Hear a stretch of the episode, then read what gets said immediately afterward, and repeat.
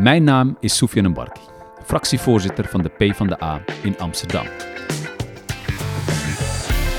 De aankomende Tweede Kamerverkiezingen sta ik op nummer 16 voor de PvdA. Om me voor te bereiden op mijn nieuwe rol in de Tweede Kamer spreek ik de komende weken met allemaal belangrijke mensen die mij belangrijke lessen kunnen meegeven.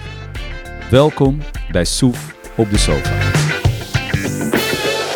Welkom alweer bij uh, de zesde aflevering van Bij Soef op de Sofa. Dit keer met Selwa Amazouni. Selwa en ik die kennen elkaar vanuit Nieuw-West. Je bent daar uh, ja, hulpverlener, je werkt bij Street Corner werk. Uh, vertel eens, wie ben je nog meer? Nou, ik ben Selwa, Selwa werkzaam inderdaad als jeugdhulpverlener. Nu ruim 13 jaar in Nieuw-West. Daarnaast ben ik oprichter van een sociale onderneming. El Amazouni Coaching en Sportbegeleiding. En hierbij richten we ons op uh, kwetsbare meiden uit Nieuw-West. Door middel van uh, sport als middel te gebruiken en uh, groepsbijeenkomsten te organiseren. En daarnaast bieden we nog individuele coaching aan. Um, ja, we proberen eigenlijk meiden in hun kracht te zetten, hun talenten te ontwikkelen. En daar waar nodig te begeleiden. Heel mooi. Dus je bent vooral bezig met jonge mensen, of het nou jongens of meisjes zijn. Dat ja. inspireert. Maar ik denk dat het wel leuk is als we de kijkers ook nog iets meer van Selwa laten zien. Ik heb een aantal stellingen en jij moet kiezen tussen één van de twee. Ja. En de eerste stelling, um, die gaat over het volgende. Ik ben altijd geïnspireerd als ik jou zie spreken in het Nederlands, dan heb je zo'n echt een Amsterdams dialect. Maar als Klopt. je moet kiezen tussen Marokkaans of het Amsterdams dialect, waar kies je dan voor? Ah, moeilijk. Goeie, hè? Ja. Nou, ik kan niet kiezen, ik ben ook echt een Marokko-gek. Dus... Uh... Als je echt moet kiezen, je moet kiezen. Eén van de twee.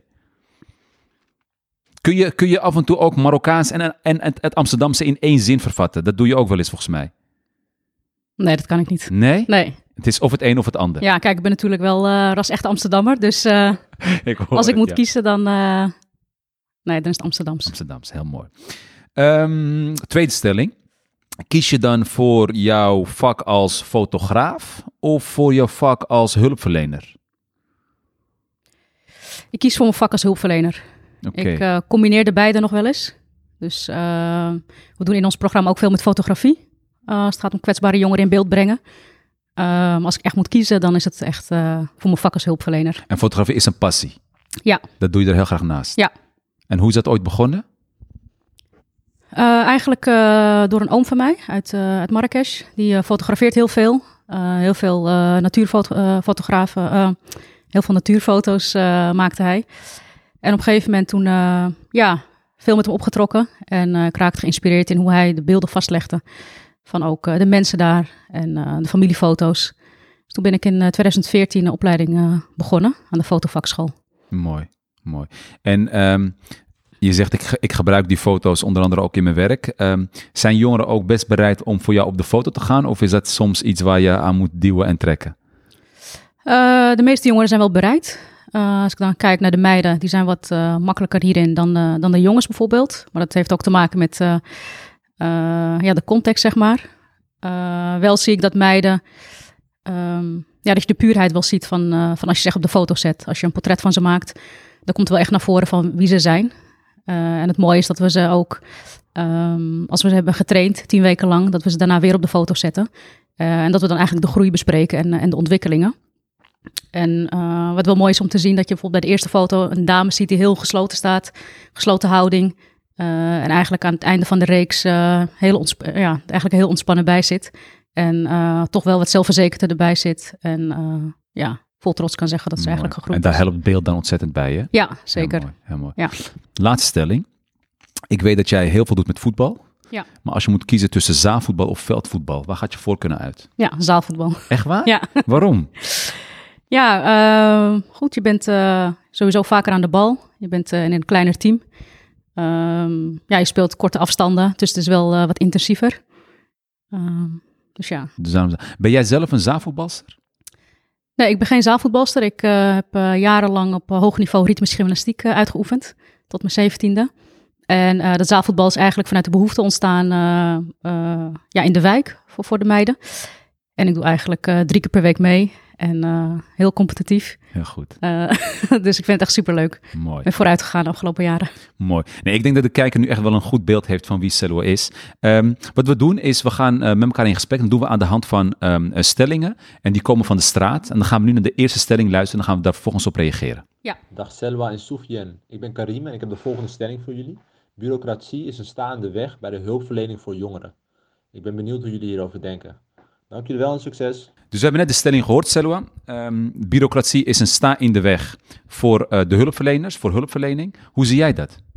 Ja, in mijn rol als uh, hulpverlener veldwerker maak ik echt uh, contact met jongens uit, uit de wijk.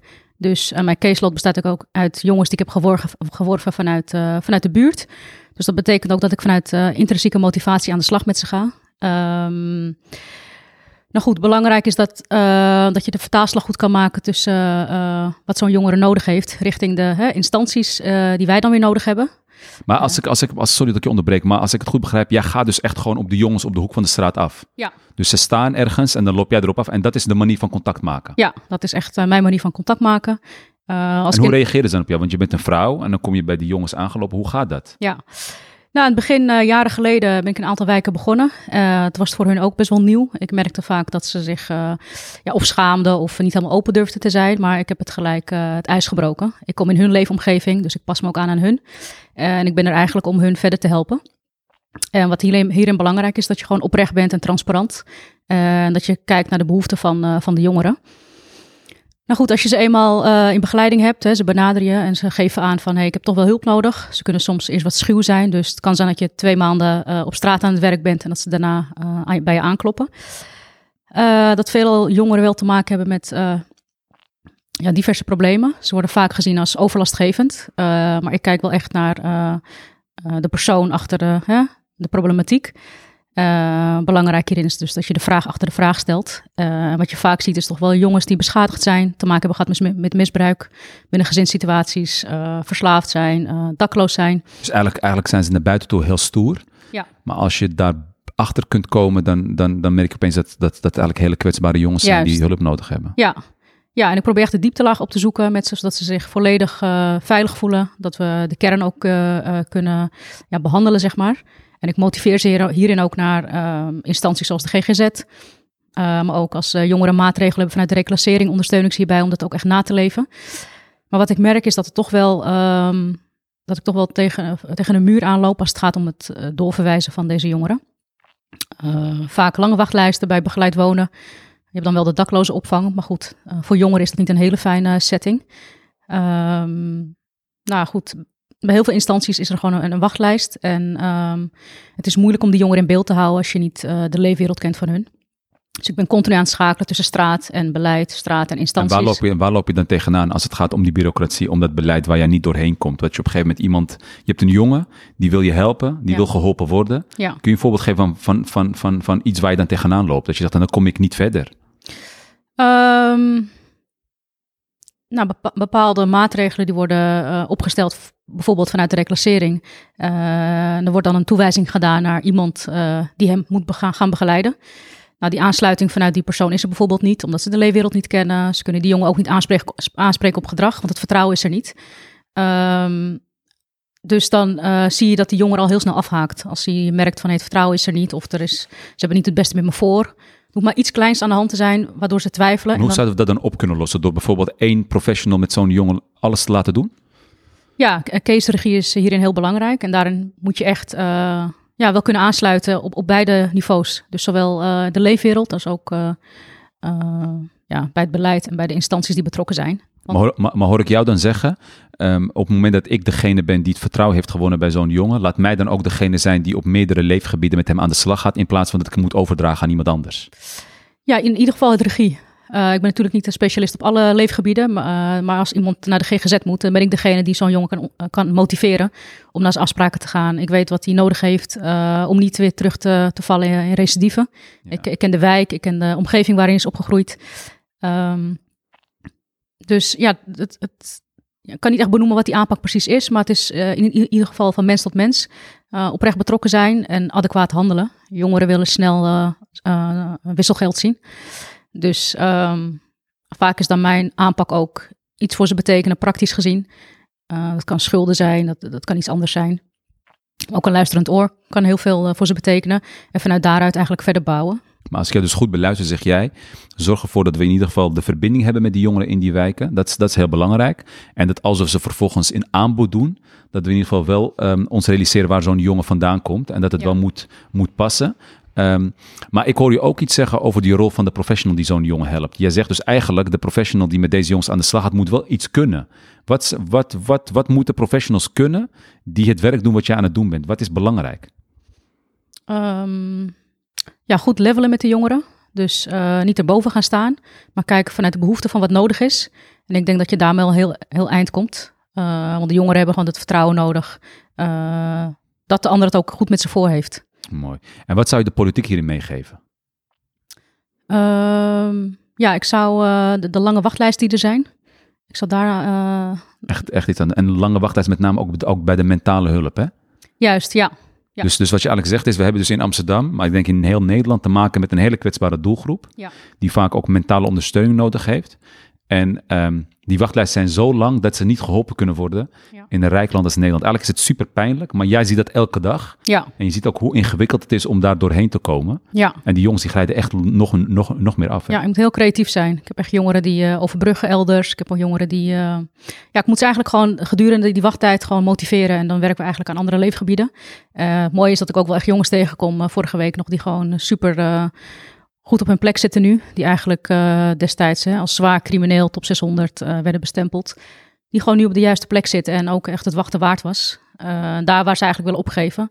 Probeer ik ze toch wel te motiveren om toch door te gaan. En dan ja, zegt zo'n jongen wel van, die echt wel heel erg beperkt is. Toch wel van ja, ik heb het volgehouden. En dan denk ik van ja, daar doe ik het eigenlijk voor. Mooi. Dus er is wel heel veel mogelijk hoor. Mooi. We gaan naar stelling 2. Ja. En daar gaan we nu naar luisteren. Hey Soufiane Selwa, dit is Rutger en ik heb de volgende stelling. De aanpak van problemen bij jongens en meisjes is hetzelfde. Ik ben benieuwd wat jullie ervan vinden. Um, hoe reageer jij daarop? Nou, ik denk dat er een andere aanpak is als het gaat om jongens uh, ten opzichte van de meiden. Ik werk natuurlijk met beide heel nauw. Uh, als je kijkt naar de aanpak voor jongens, is dat vaak heel praktisch. Uh, jongens zijn best wel snel open. Uh, het zijn ook heel makkelijk in hun, in hun, hulpvraag. En meiden daarentegen zijn heel erg uh, achterdochtig. Uh, willen niet snel de problematiek opengooien. Vertrouwen het ook heel vaak niet. Eh, ik merk bij het voetbal bijvoorbeeld. We hebben echt meiden die dan één keer naar het voetbal komen. Die we daarna dan ook echt contacteren van hoe was het. We, we zijn heel, ja, heel scherp op de groep als het gaat om de connectie maken. Ehm, ja, je ziet dat de meiden toch wel argwanend zijn en uh, pas aan de bel trekken als, uh, als het eigenlijk te laat is. Dus als meiden echt dakloos zijn of dat ze misschien in een bepaald circuit zitten. Maar is het ook niet dat meiden het meer uh, opkroppen en, ja. en, vooral binnenvreten zijn? Dat jongens, op het moment dat ze het gevoel hebben dat iemand naar ze luistert, dat ze dan heel snel mee willen doen? Ja, meiden die kroppen wel echt de problematiek vaak op, doordat het echt niet meer uit te houden is. Bij het voetbal proberen we hier wel preventief op in te spelen. En we merken al wel dat het ja, de vruchten afwerpt. Door uh, de buiten met die meiden in gesprek te gaan één op één. Maar het is ook niet zo dat we de meiden een beetje verwaarloosd hebben. Want als je bijvoorbeeld kijkt naar het jongerenwerk in Amsterdam, ook in andere steden, dat het heel vaak gericht was ja. op jongeren die overlast gaven. Vaak waren dat jongens. Ja. En dat we van, van uitgingen dat de, dat de meiden er zelf wel zouden komen. Terwijl we nu juist in Nieuw-West zien en in andere delen van de stad dat meiden ja, heel veel problemen ook hebben. Ja. Uh, en soms ook verzeild raken in, in, in milieus waarvan je denkt, daar moet je die meiden niet aan overlaten. Ja, nee zeker. De, de meiden die zijn een beetje vergetenachtig, ja, vergeten doelgroep zeg maar. Uh, sinds ik ben, ben gestart met het voetbal heb ik ook heel veel meiden in beeld waarvan ik niet eens wist dat ze er waren. De zusjes van uh, de broers die ik bijvoorbeeld begeleid. Um, en ook meiden die uh, in hele heftige problematieken zitten. Dus ook nu zelf de rol innemen van lovergirls. Uh, zelf meiden ronselen. Uh, zelf in bepaalde criminele circuits. Dus eigenlijk gaan ze van slachtoffer naar dader. Juist, ja. En wat, wat kenmerkend is voor die meiden is dat ze ja, gewoon heel erg op zoek zijn naar die erkenning. Het zij via social media, het zij via jongens op straat. En daarin zijn ze bereid om eigenlijk heel ver te gaan. Um, en als je kijkt naar um, ja, eigenlijk zijn het gewoon hele kwetsbare, onschuldige meiden die gewoon op zoek zijn naar uh, erkenning. Ze willen gezien worden, ze willen gehoord worden. Um, ja. ja. En wat kunnen we ze geven als samenleving? Wat hebben die meiden nodig? Eigenlijk gewoon een, een plek waar, waar, ze veilig, waar ze zich veilig voelen en waar zij zich eigenlijk kunnen ontplooien op uh, diverse vlakken. Als ik kijk naar de meiden die ik binnen heb bij het voetbal, heb ik meiden van, die op de UvA zitten. Heb ik meiden die uh, beperkt zijn, die ook een lichamelijke beperking hebben. En ze zijn eigenlijk allemaal één. Uh, en ik denk dat je per individu moet kijken van waar je aan kan bijdragen. maar ik zie ook meiden die met zangtalent bijvoorbeeld, waarvan ik niet eens wist dat ze die hadden. Dus ehm, los van de problematiek schuilt er gewoon heel veel talent achter deze meiden. En juist daarop meer de focus op leggen. Precies, heel mooi. Dus je zegt eigenlijk, we moeten ook um, uh, deze jongeren vooral helpen door naar ze te luisteren.